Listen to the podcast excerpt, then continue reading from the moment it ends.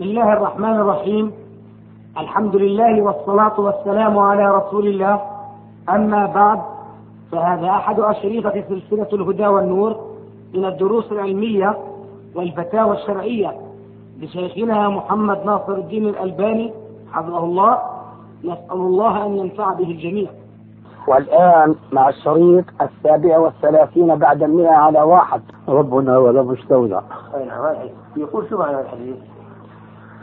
معنى أن هذه النعمة التي نحن يعني طعمناها في هذه الآونة نحن لا نكتفي بها وإنما نطلب المزيد من ربنا عز وجل ولا نستغني عن نعمائه دائما أبدا. الحديث غير؟ نعم. والحديث في صحيح البخاري ومسلم. إذا والله حديث إن شاء الله الحمد لله الذي أطعمنا وسقانا وأطعمنا غير مكفيه ربنا ولا مستودع.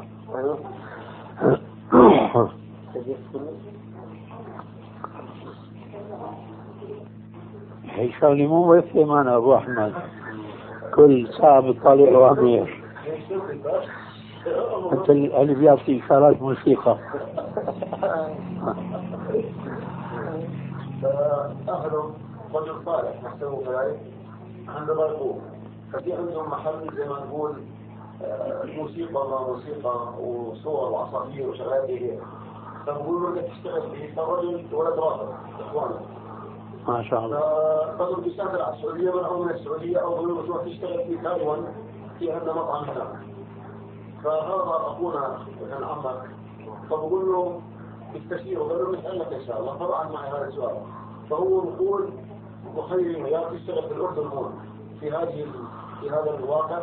أو انك تروح على تايوان تشتغل في مطعم هناك فبقول أنا حسبت عليه أنه يبقى هو لسه اخف زي ما تقول من السفر إلى تايوان. هناك مع ربع كتله وقد سبق انه اخو له متى هناك لما ذهب لما راى الشيخ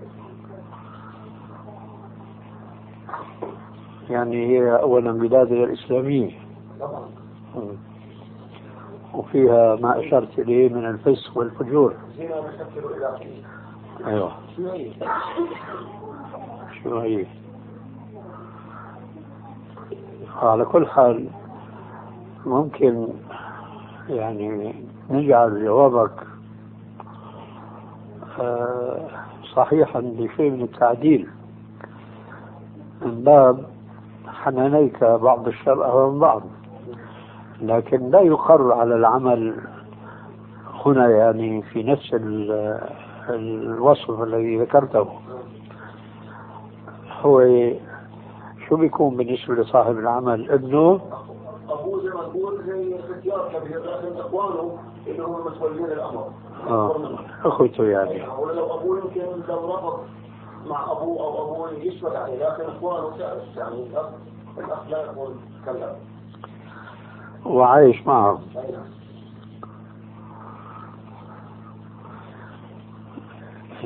الحقيقة أن القضية يمكن الجواب عليها بدون ما نكون متصلين مع الشخص ونعرف شيء من أوضاعه وأحواله. يعني هل مثلا هو يستطيع أن يستقل عنهم ولا لا؟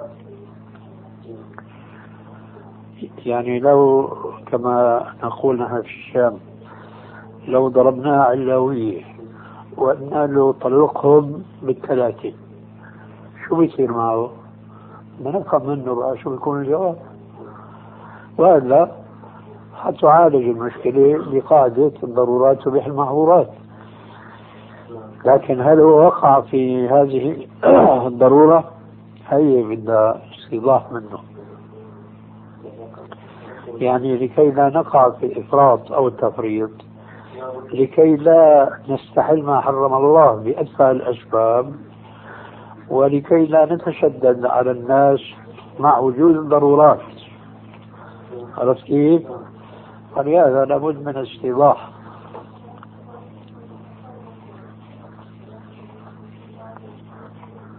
الشيخ في تفسير خميني. نعم. نعم فبقول الناس زي ما نقول في ناس يعني بيستصعبوا بقولوا ممتاز لكن الجريمة زي ما نقول نقلت يعني بطريقة غوغائية في الفتوى يعني الألباني يبيح زي ما تقول أنا يزعج أخبار الأسبوع بدون ما تذكر مثلا قال الشيء لا بينها ولكن نقول العنوان زي ما نقول بس يأخذ الإنسان في بعض الشيء ما إنه إذا قال كذا وكذا فهو كذا هذا نقل إليك؟ هو نفسه الأخ أحمد. إيه. لو قرأناها في أخبار بعض اخواننا قالوا تفاهيم اللغة يعني بقول الشيخ يعني كلام 100% لكن زي ما تقول أعداء الثانيين استغلوها ابشع استغلال. بس العنوان شيخ لو له تحت العنوان ولا أكثر. نعم بين يعني من يقول كذا وكذا فهو يعني يكفر وبين أنه فلان كافر. طبعا وانت قولك من قال هذا الكلام فهو كافر. هو. هذا هم يكونوا الألباني يكفرون. هو. هذا سياسي ما يعني آه إذا تسمح غير مطلع على الفتوى. نعم. إذا تكرمت علينا. الفتوى منشورة في نحو صفحتين في بعض المجلات أو جرائد السيارة. ثم طبعت بنصها وبخطي ومطبوعا على الأحرف الطباعية بجانبها في كتاب صدر حديثا بعنوان كشف الأسرار للخميني. كشف الأسرار للخميني. وهو بالطبع مؤلف باللغة الفارسية. لكن آه، أحد الدكاترة هنا يرحمك الله آه، ترجمه إلى اللغة العربية أظن اسمه الدكتور أحمد جمال. آه، تعرفوا إيش شخصية شيء بيت الخطيب. أحمد الخطيب إيه اللي له ابوه له مكتبه إيه شو اسمه الأب؟ أحمد الخطيب. أحمد. إذا هذا بيكون لابن اسمه غير أحمد. المهم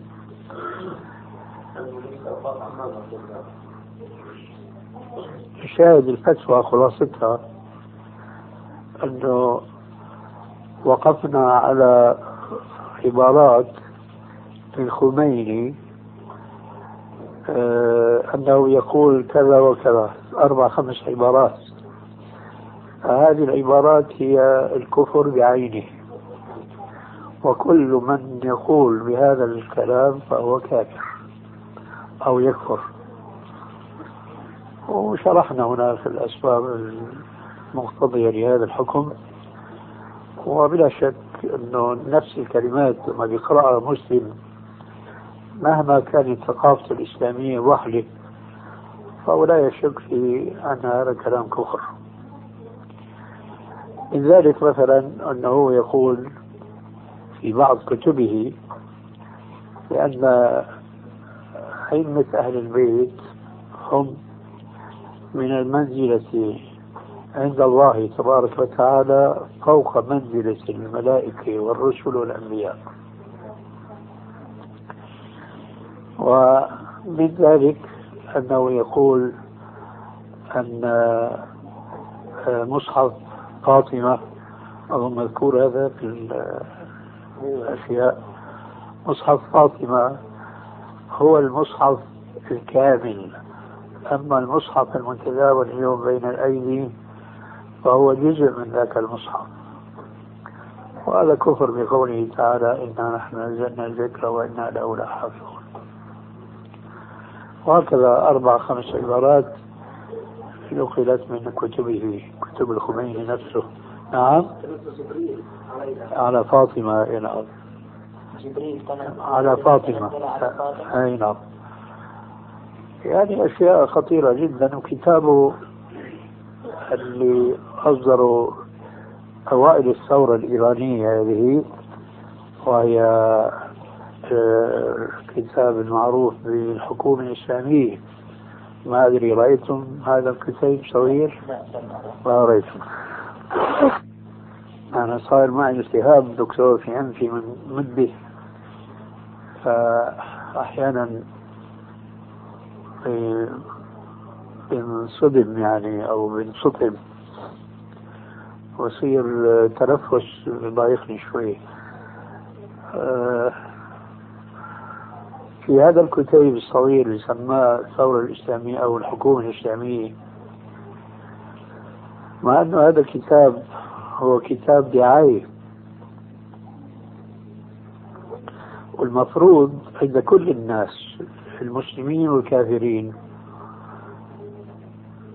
أن أي كتاب سياسي لا يحسن بالكاتب أن ينشر في هذا الكتاب العقائد التي يعلم أن الخصوم سوف ينكرونها ويبادرون إلى عدم الاستجابة لمضمون الكتاب بصورة عامة.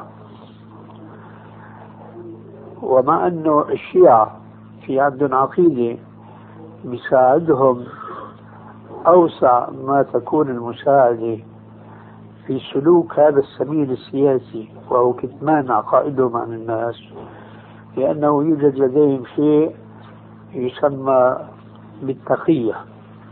لابد سمعت عن التقية شيء.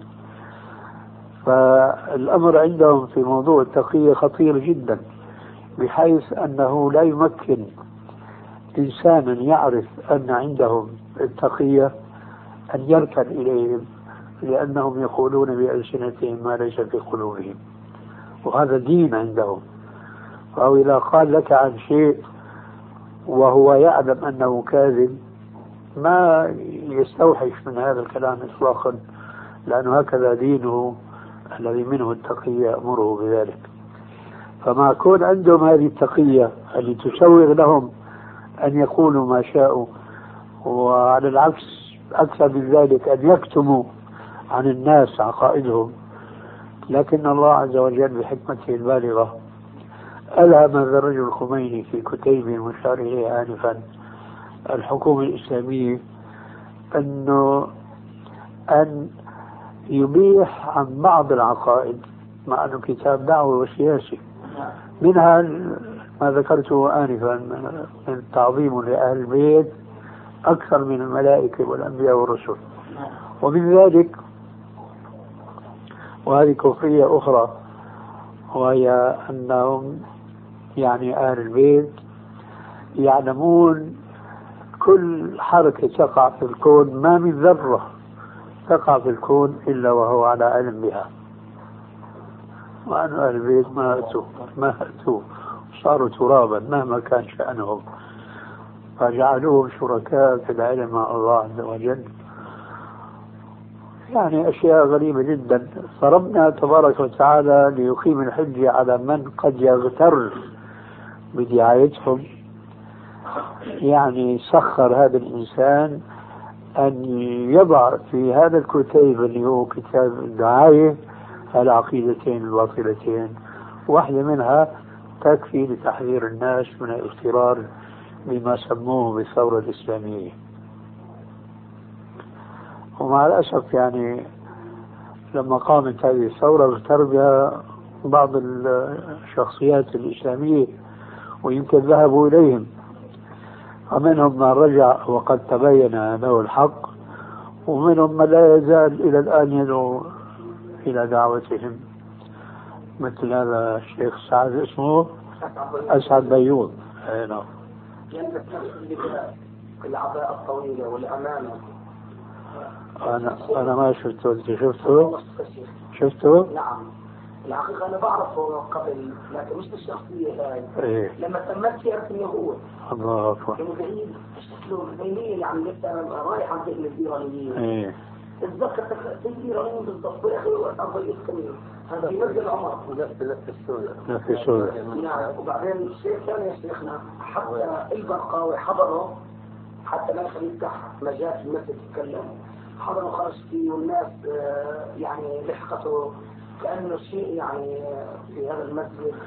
جديد من مدة حدود شهر أو شهر وشوي يعني أنا شفته أنواع أنا بشوفه كثير في مسجد الفضل فضل الله إيه، بتشوفه بالزي هذا؟ بيصلي هناك. والله ما أخذت بالي يعني يعني بشوفه. طيب شفته من قريب؟ يجوز من آه، أقل من شهر. أنا رأيت هو اختار من خلال فاهم من يومين من ثلاثة ها؟ أيام أنا بشوف من أول كيف أشوفه؟ يعني؟ بنفس الزي يعني ليكون الدكتور آه، بيشوفه لما يغير زيه. كان هو اللي ما سوى هو يعني ما تغير يعني. ريحته بيضاء بريحة الصميم بلبس النظارات. مثل النظارات هذول بهز النفسي. مثل نفسه كمان مدورة وبيجعلها يولد المنبر هذا الله أكبر. فكان بداية ما رجع من إيران. كان لفت استبداء لأنه الإيرانيين الملا عندهم نعم. هذا رجال الدين بيلبسوا اللفة السوداء. فكان الخميني بيلبسها كثير هذه اللفة السوداء. أي نعم. واحيانا البيضاء فهو بالفترة هذه جلس فترة طويلة يلبس السوداء. بعدين الآن بيضاء والكلام الاخضر يعني تعرف عند الإيرانيين اللفة السوداء لآل البيت. شايف كيف؟ واللفة البيضاء لرجال الدين من غيرهم. يعني في في إيران لا يصح إلا للخميني وكل من يدعي أنه من آل البيت مع أن الرسول صلى الله عليه وسلم ما خلفش؟ هلا شو بتمنى إنه هلا البيروت هذا عمامته سوداء ولا بيضاء؟ بيضاء الآن. الآن بيضاء أنا أنت شفته في يوم شفته سوداء؟ والله الشيخ أظن كذا شفت بالبيضاء لأنه صار له فتره ما لبس السوداء لا لا بيضاء السوداء بعد ما رجع. فتره آه. من الزمن لما رجع من إيران. أيوه. كان لاني أنا بصلي في المساجد المساجد كتب بصلي فيها. أي نعم. وين ما ادركتني الصلاه أي نعم. لسه مسجد الفضل لي الدكتور أي نعم. قريب من عيادته أي. فرحت صليت فيه بداية ما أجي من هناك أشوف ولاة السوداء. آه. جلست فترة عليها بعدين تركها والآن البيضاء صار سنة تقريبا بالبيضاء. ال- لا يا سيدي ما ما بيجوزش يعني يكون الحفلة أكثر من واحد بلبس السوداء عليكم عليكم السلام ورحمة الله وبركاته. شيخنا هنا كثير أوراق عم توزع في الطرقات. منها تبعت هذا اللي رأى الرسول صلى الله عليه وسلم بيقول وغيره وغيره؟ شيخ أحمد. آه بعض من جملتها صار عندنا ورقه جديده لسه ما طلعتش اول مرة بشوفها. آه. بس الناس تعاملوا فيها. إيه. هذا كاتبها يعني زي ما نقول على شكل الرحلات تبعت الطيران آه. ومحولها إلى نواحي شرعية. آه. بنظرة. إيه. بيقول يعني اللي بيطبعها يؤجر عليها ومشان توزيع للخير وكذا. شاء شو. كاتب؟ كاتب بطاقة الشخصيه يعني هويتك إيه. كاتب الاسم الانساني بن آدم. ما شاء الله. الجنسية من تراب. العنوان كوكب الأرض. ما شاء الله. بعدين منتقل إلى مربع آخر يقول بيانات للرحلة. آه. والرحلة سعيدة. يقول محطة المغادرة الحياة الدنيا. آه. محطة الوصول الدار الاخره موعد الإقلاع وما تدري نفس ماذا تكسب غدا وما تدري نفس بأي أرض تموت. موعد الحضور. وجاء سكرة الموت بالحق. ذلك ما كنت من تحيد كاتب في الوسط بخط عريض رحلة سعيدة. ومبلش يقول؟ حاطط خط وكاتب واحد اثنين ثلاثة أربعة. كاتب العفش المسموح به. ميزان من قماش أبيض وخيوط. اثنين العمل الصالح. ثلاثة الولد الصالح يدعو له. أربعة علم ينتفع به. خمسة ما سوى ذلك لا يسمح بالاصطحاب يعني الاصطحاب في هذه الرحلة. بيقول شروط الرحلة السعيدة على حضرات المسافرين الكرام اتباع التعليمات الواردة في كتاب الله وسنة رسوله صلى الله عليه وسلم. مثلا طاعة الله ومحبته وخشيته. آه، التذكرة الدائمة للموت. الانتباه إلى أنه ليس في الآخرة إلا جنة أو نار. بر الوالدين أن يكون مأكله ومشرب أن يكون مأكلك ومشربك وملبسك من حلال. لمزيد من المعلومات يرجى الاتصال بالكتاب والسنة وسنة الرسول صلى الله عليه وسلم. ملاحظة الاتصال مباشر وحالا لا داعي لتأكيد الحجم. الوزن الزائد في الأعمال الصالحة مسموح به. هي هي هي ظاهر كشكية هذه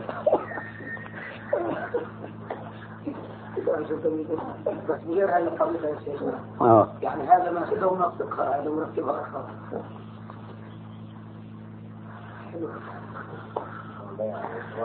لا منيح اللي ما في شيء منكر يعني هذا مرحوم هذا فعلا لأنه أكثر من الإشراز اللي تنشر إما أحاديث ضعيفة أو موضوعة.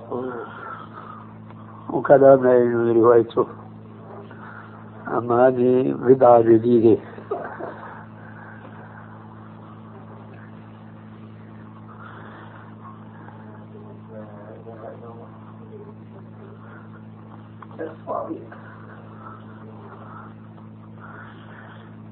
يعني عايزين شيخنا لأنه كل شيء الله يعني الأحاديث الصحيحة في البخاري ومسلم وغيره والايات القرآنية والتفاسير وشرحها ما بخطر في بال واحد يكتب حديث أذكار الصباح المساء كذا في نشره يوزعها من حيث حياة التخويف من النار وتغيير الجنه وبيلتجئوا إلى أشياء كثيرة من وبعض يعني لا حديث موضوع والترهيب من الصلاة وكلها أحاديث كنا قرأناها للشيخ. اي نعم تارك الصلاة ملعون وجاره ملعون واللي بيأكل معه ملعون وما إيش. الله أكبر. جعلوا الناس كلهم ملاهي.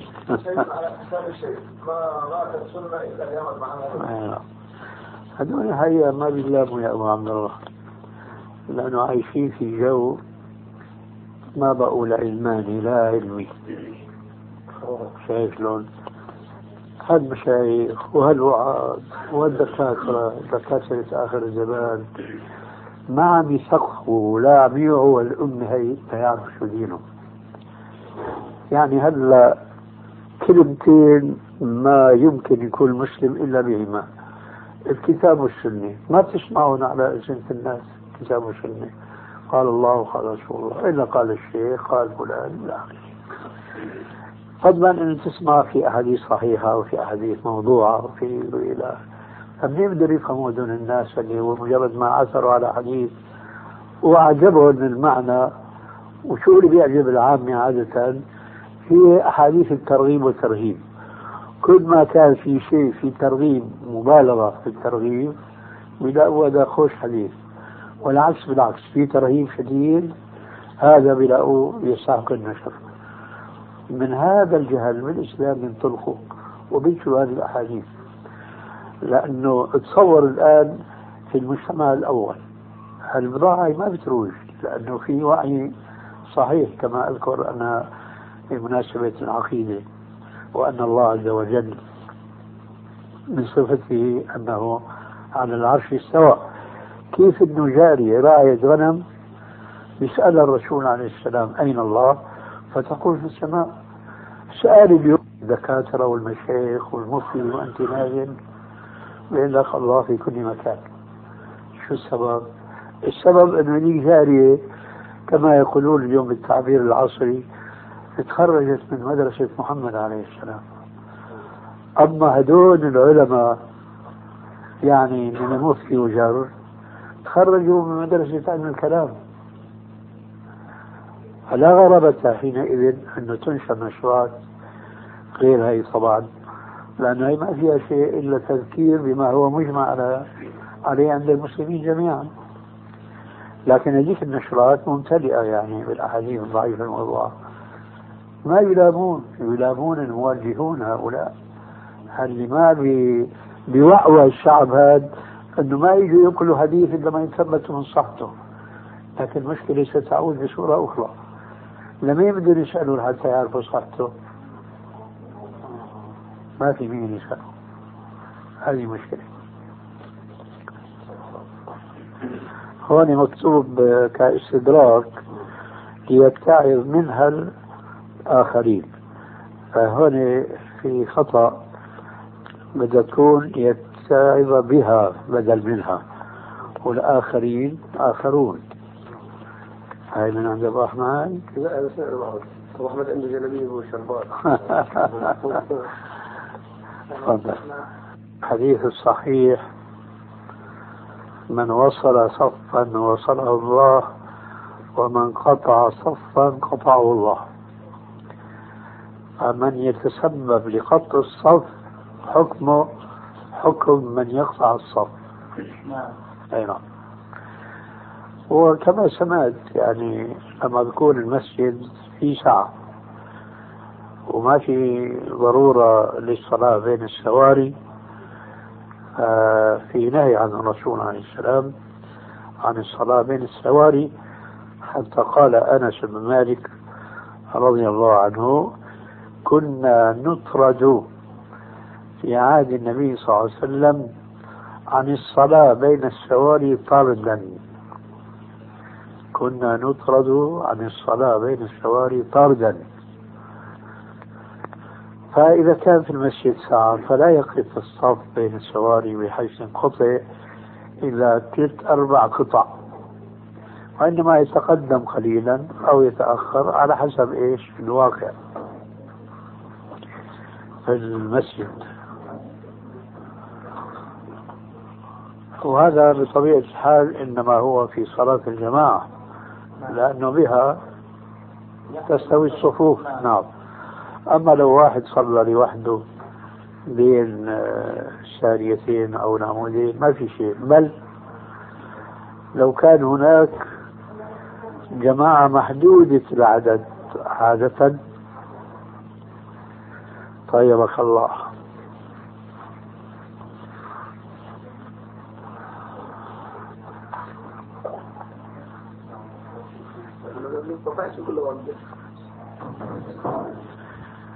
لو كان هناك جماعة محدودة عددهم ووقفوا بين الساريتين بحيث أنه لا يغلب على الظن أن الصف سيتصل بما بعد السارية يمينا أو يسارا كمان ما في مانع لأن العلة واضحة وهو ألا يتعرض الصف للتقطع.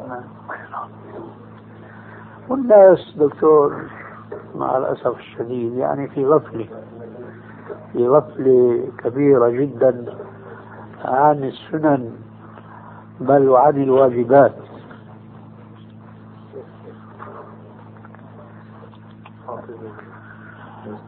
تفضل يا أخي تفضل. أنا أنا خصصوني دون الناس.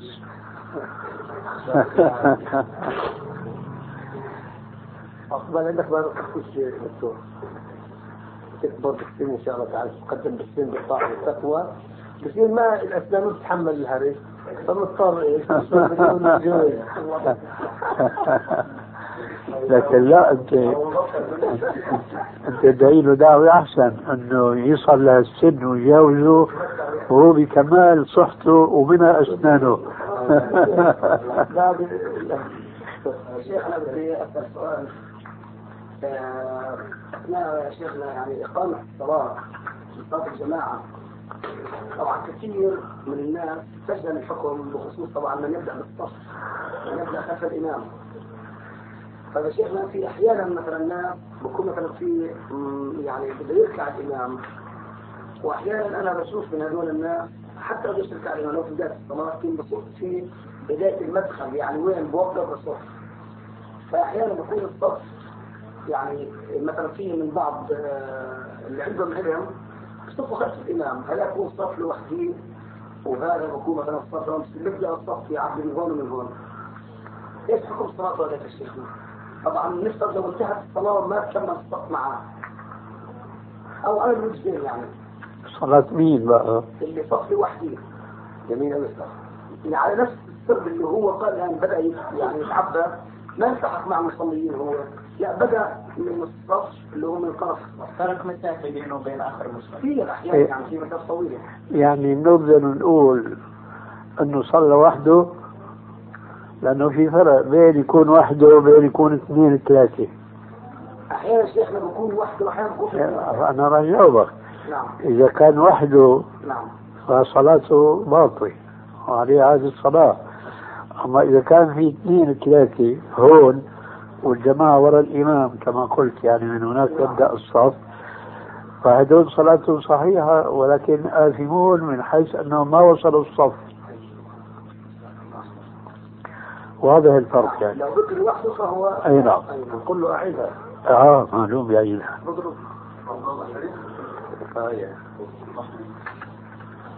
الشيخ اجى واحد إذا خبرينا.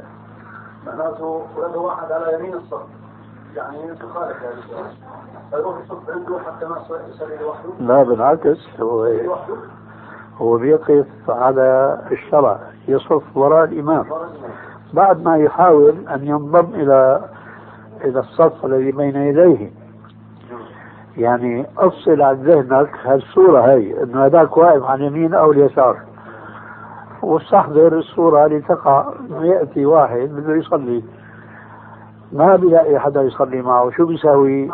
يقولوا بعض الناس إنه يجر واحد من الصف. هذا الحديث الوارد في الجر ضعيف غير صحيح. فإذا هو ما بجر لكن بيحاول يجر حاله هو يضم نفسه للصف. وفي كثير من الأحيان في الواقع يجد الإنسان فراغا في الصف كثير. فإن كان الصف على خلاف العادة وعلى السنة وفي كثير من الأحيان في الواقع يجد الإنسان فراغا في الصف كثير. فإن كان الصف على خلاف العادة وعلى السنة يعني متراص بحيث لا يجد مساغا لينضم حينئذ يصلي خلفه وحده خلف الإمام وبتكون صلاته صحيحة لأنه لا يكلف الله نفسا إلا وسعها. هنا بقى وجد واحد على اليمين أو اليسار مش مهم. المهم أنه هو يقوم بما ينبغي عليه. في المسجد بين في عنه عمي في قبر قال إنه الشيخ في إنه صلاة الفرض فيه فقط. قلنا لا. هذا نعم. يقول من باب أولى إذا كانت يعني بكل حال نحن ما بيهمنا هو خاصة هو صغرى كنا نفضح هيك على رؤوس الأشهاد. المهم يا أخي القضية أولا نحن ننصح بعدم الصلاة مطلقا في المسجد الذي فيه قبر. مطلقا. لا فرض ولا سنة.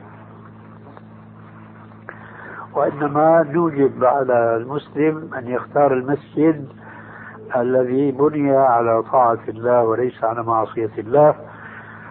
ومن هذا القبيل الذي بني على معصية الله المساجد مبنية على القبور.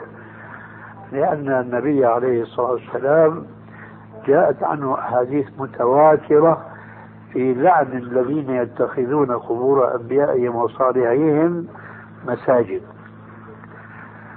فإذا كان لا يوجد مسجد خالي عن قبر حواليه المكلف هذا بالصلاة.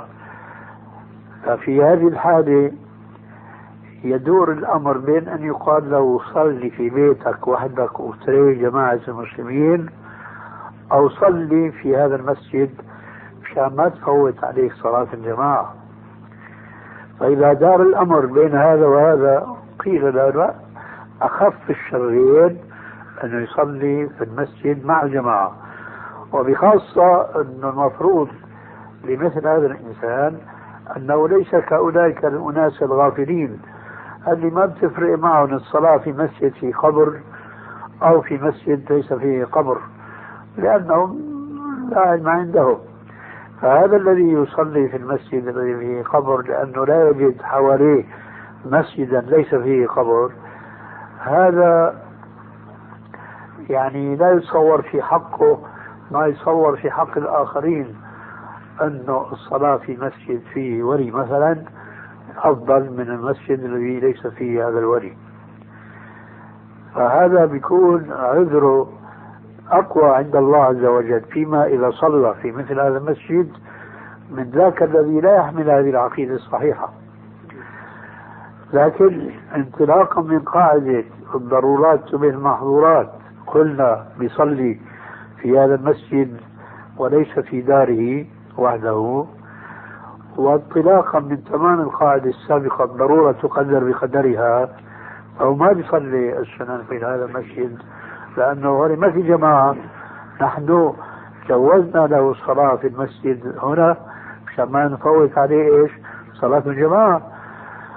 أما السنة أولا ما في جماعة وثانيا لو واحد في مكة أو في المدينة. قال لي الصلاة في مكة مئة ألف صلاة والصلاة في المسجد النبوي ألف صلاة. صلاته في بيته في مكة أو في المدينة أفضل من صلاة آه، في المسجد النبوي أو مسجد مكة للسنن. يعني الأصل في السنن أن تصلى بالبيوت فما بالك مسجد فيه قبر فهو بده يصلي في البيت؟ هذا الذي نقوله. لا تحية تحية المسجد هذه مربوطة بالمسجد لا بد منها.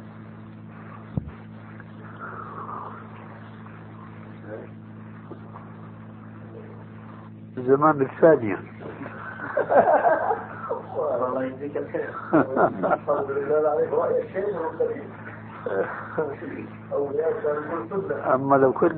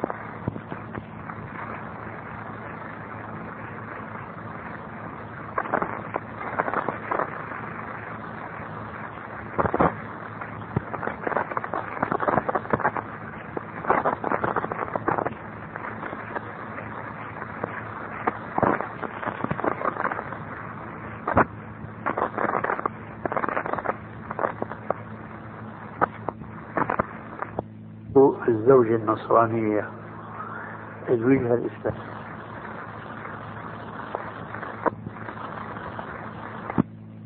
الذرية الناتجة من زواجه بها تربية إسلامية. مع أن هذا كذاك كلاهما حلال بنص القرآن الكريم.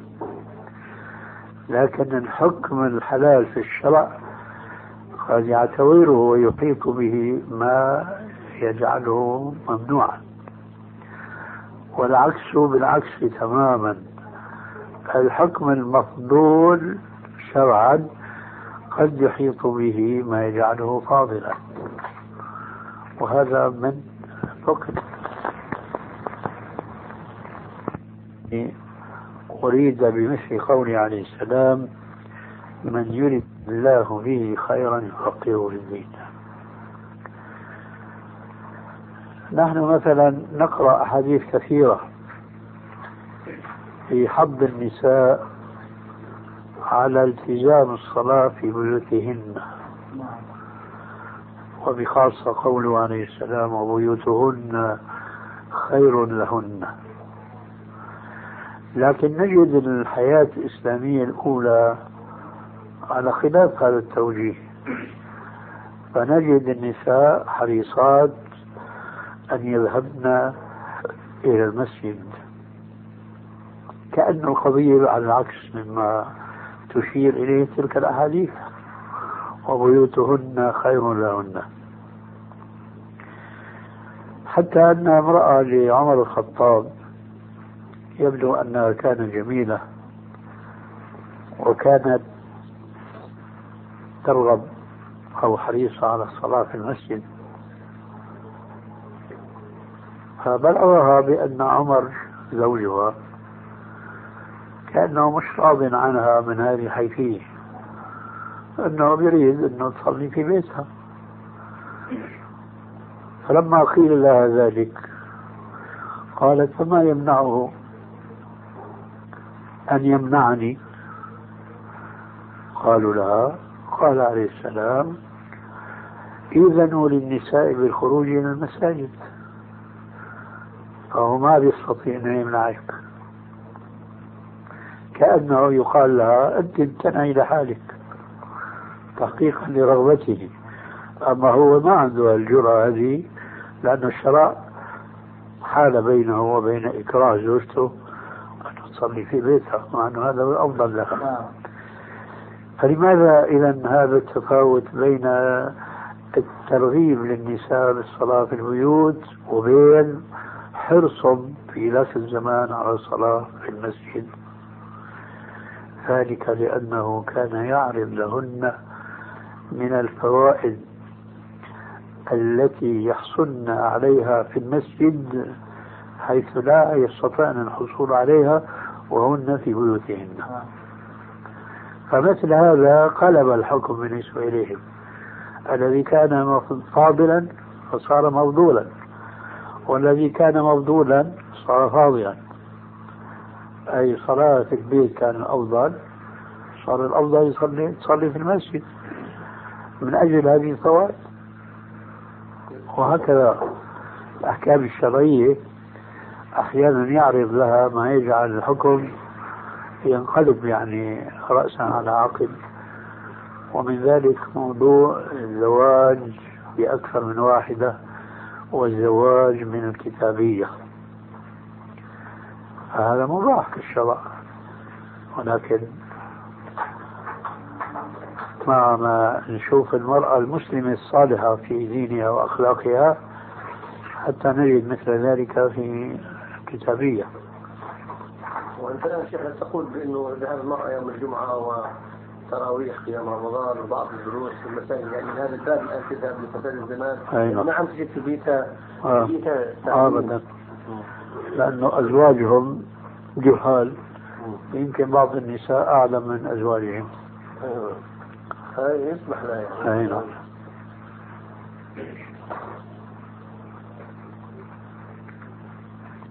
صح أن نطلق على هالجماعات دون فرق إسلامية. هذا صحيح. وإنما نقول جماعة نعم. إسلامية. يعني والحر والحر تكفيه الإشارة نعم. نعم آه. هذا صحيح.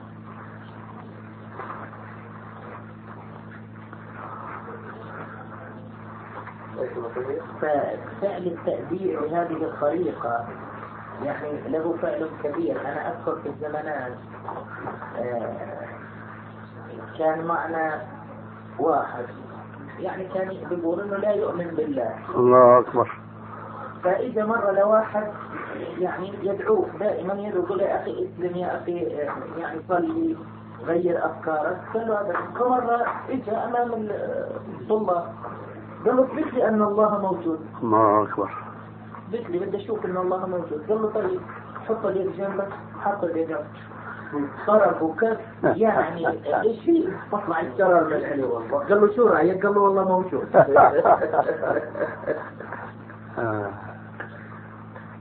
الحسين عصير وما الذهب صلي عصير قريبا ان شاء الله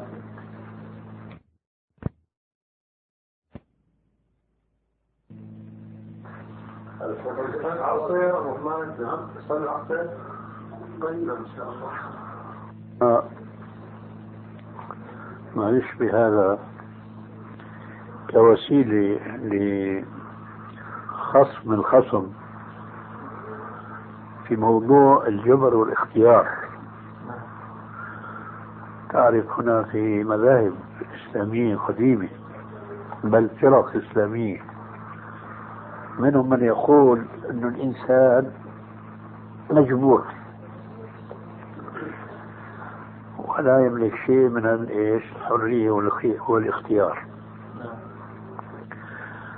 ومنهم من يقول لا هو مختار ويخلق أفعال نفسه.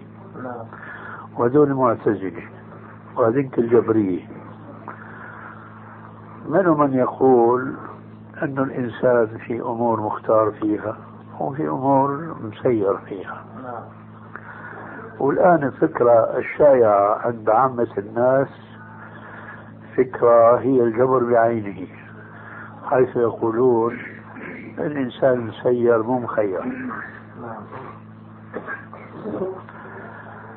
ما لما بيتناقش السني وهو الذي يقول الإنسان مخير في التكاليف الشرعية مع جبري. بيدخلوا طبعا في نقاشات حول آيات حول أحاديث إلى آخره.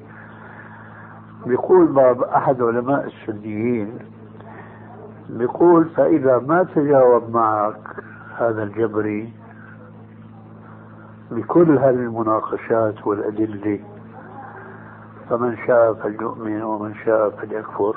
يعني نص القرآن أن الإنسان عنده مشيئة ما جاوب معك صعب. هون الشاهد. هذاك بصيح بيقول له ليه؟ قل له مجبور. مجبور. غير طبعا. مثل ما تعلمنا في سوريا مكانة خلاوة هي في طلبها وأنا في جوابي إلها. بعد شوية هيك تتصل مع مرتي نفس السائل الثاني أنا بسمع السؤال بشوف نفس الموضوع. بقول لزوجتي هي سألت ذيك الساعة وأعطيناها الجواب أنه القضية مو قضية ينبغي غسلها ثاني مرة ولا لا؟ لا يجوز نقلها. سألتها أنت ما ذيك الساعة نفت ذلك. بعدين عرفنا أنها كذبت لأن الردة الأولى اتصلت معنا وفهمنا منها أنه هي نفس السائل. فسبحان الله المهم في الموضوع أن الإنسان يسأل عن شيء الأهم مش الشيء اللي ليس هو بالمهم وإنما دون ذلك الكثير. زوجتي طبعا كان لها رأي بتجاوب هذا الرأي مع ثقافتها والى آخره. قالت شو بمانع نحن إلا أنه يغسلوها أو ما يغسلوها قلنا له حينئذ لو أعطينا الجواب ما راح يبالوا بالاهتمام بموضوع. أيوة. ولذلك نحن ما بنعطيهم هذا الجواب لأنه ما بنساعدهم على الخير بإعطاء هذا الجواب. وبناء على هذا الأسلوب يقول أهل العلم ليس لكل سؤال جواب. ينبغي أن يكون إيش؟ الإنسان حكيما. مثلا قوله تعالى وهذا من جملة الأدلة اللي بيستدلوا بها على هذا المبدأ. يسألونك عن الأهلة. قل هي مواقيت للناس. يعني شو كان سؤالهم ليش بيصير هلال وبيكبر وبيكبر؟ شيء بدر. قضية فلكية. شو بهم هذا السائل انه يعرف دقة هذا التحول اللي ربنا جعله يعني سنة كونية في هذه الدنيا. لكن مهم تعرفوا الحكمة من ذلك اللي بيترتب منه أحكام شرعية. فكان الجواب على خلاف طلب السائل. وهكذا نحن ينبغي أن نلاحظ هذا الأدب القرآني. وما نعطي جواب لكل سؤال إنما نوجه لما هو الأهم أو المهم. مناسبة حتى وصلنا لهون كنا نتكلم عن المنبر يمكن. إي نعم. فالمنبر لا ينبغي نخله. ينبغي ينبغي بثره. لأنه إذا نقلناها معناها دعمنا البدعة الجديدة. وكان حديث شيخنا عن إنه لما التوفير التوفير صار لما يوقف هو توفير صار لما يوقف من الطاقة أيوه. يوفر صار فقلت أنت هم اللي بدوروا على توفير الصار وهم مزروقة وكان النحراب يعني بيسموه هو الحقيقة في الوضع الحالي ومع وجود إذا تقدم إلى هو السلطة. هل هذا هذا كلام صحيح أخي لكن نحن التوفير المادي ليس له قيمة إذا خالف المعنويات الشرعية أنا مرة أذكر جيدا أن الألبسة الغربية الآن وبخاصة بالنسبة لبعض الألبسة المتعلقة بالنساء فيها وفر اقتصادي. لكن هذا مخالف للشريعة. فشو قيمة الوفر هذا؟ يعني هذا والقصد يعني نحن ما بننظر القضية المادية.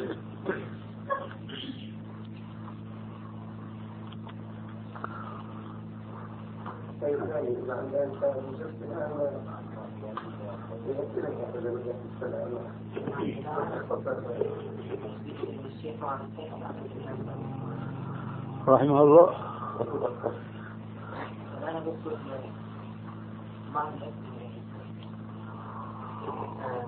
سؤال من الأسئلة من الوضع الشام التزوج في أمريكا. الوضع أنه لا يسمح لنشر أولاد فهل يجوز له استقرار في أمريكا؟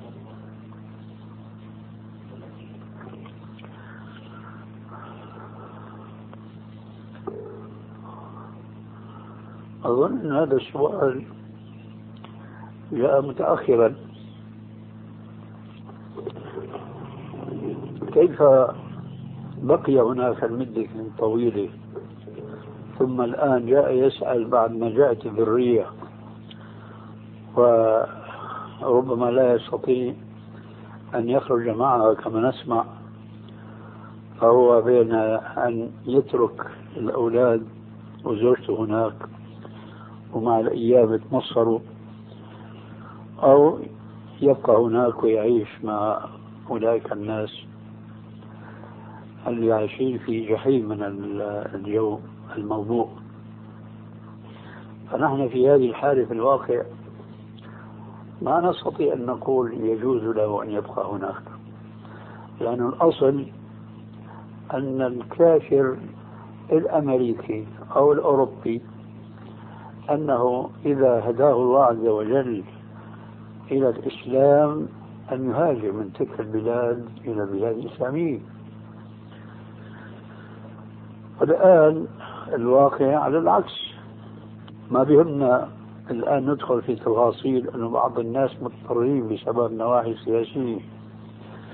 لكن نحن نعلم أن كثيرا ممن يسمون المهاجرين هم هاجروا ليس بسبب طقس سياسي وإنما طمعا في المال.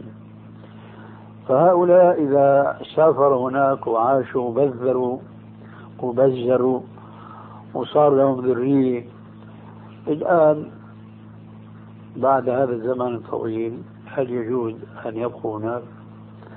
الجواب ذهابهم في الأصل هو خطأ وما بني على خطأ فهو خطأ الآن المشكلة معقدة بحيث لا تسوغ للمستفتى أن يقول يجب أن يرجع إلى بلده الإسلامي أو ينبغي أن يبقى هناك مع آه، أهله. حرصا على سلامة تربية الأولاد تربية إسلامية. ولذلك فإن كان هذا حقا مسلما فليفعل كما يفعل كثير من الناس. بدرسوا الموضوع اللي هم فيه من كل الجوانب متجردين عن التفكير في المصالح المادية ثم بعد ذلك ينطلق إلى ما ربنا عز وجل يشرح له صدره. الذي يحصل الآن كثير من الأخوة آه، يتزوجوا ويذهبوا في مجال الدراسة في مجال إلى أمريكا. وفرصة العمل في الخارج ويعيشون ضمن الجو الثاني مية ممكن نقول فهل ممكن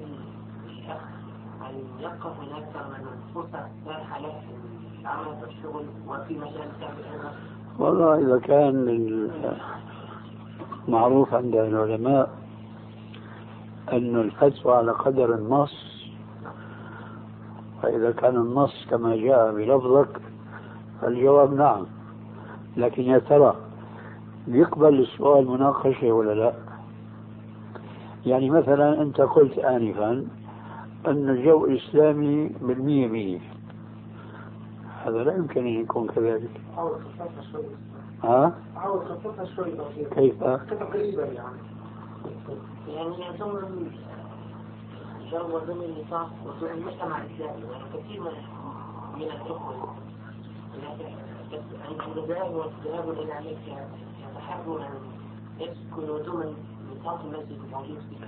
معليش يا أخي لكن هذول السكان في هذا المسجد يعني عايشين على الأحكام الإسلامية في المية مية. لا قول في المية خمسين كتر خيرهم. هذا الطبيب أنا أعرف لأنه غير ممكن بقول في مبالغة. هو غير ممكن في هو نفس إيه لكن آه، لبنان هذا الطبيب دكتور اللي قدمت لك كتابته. ما شاء الله يعني رجل فاضل سلفي.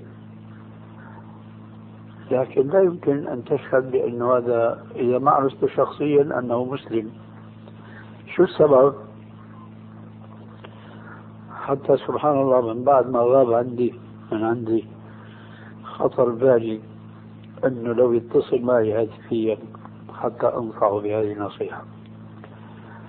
مربي لحية جليلة عظيمة هو شاب وسيم أبيض البشرة وأسود الشعر حاسر الرأس وحاطط جرافيت هذا الجو اللي عايشينه هناك. نحن كنا بنقترح عليه أنه يضع طاقية بيضاء أشبه بهذا الشيخ أحمد اللي شفتوه هيدا شايف لأنه أصبحت هذه علم للمسلم يميزه على المجتمع اللي عايش فيه. فصعب جدا إنه الإنسان لما بيخرج من البيئه الاسلاميه ويعيش هناك على التقاليد الإسلامية. صعب. الصعوبة تيجي من ناحيتين ناحية علمية. أي تحتاج القضية إلى ناس من أهل العلم محيطين بالإسلام من كل جوانبه فهن اللي بيتولوا توجيه الجماعة دون توجيه إسلامي كامل وصحيح. هذه الصعوبة الأولى. الصعوبة الثانية أنه الناحية التربوية هذه كثير صعب جدا على نفس المسلمين إذا كانوا لم يعتادوا هذه المعيشة في في عقر دارهم. وفي بلاد إسلامهم كان أتيح لي منذ نحو عشر سنوات أن أسافر إلى بريطانيا. وطفنا بعض البلاد حوالي لندن. وكان الوقت رمضان. فدعانا أحد الدعاة الإسلاميين هناك في بلدة نسيت والله شو اسمه. فهمت فيما بعد أنه هو من جماعة الشيخ أبو الأعلى المودودي رحمه الله. دعانا نفطر عنده في رمضان. فذهبنا إليه. واستقبلنا الرجل استقبالا جيدا وآنسنا منه رشدا. ملتهي الرجل ولابس بدلة طبعا أوروبية جاكيت وبنطلون وحاطط جرافيت.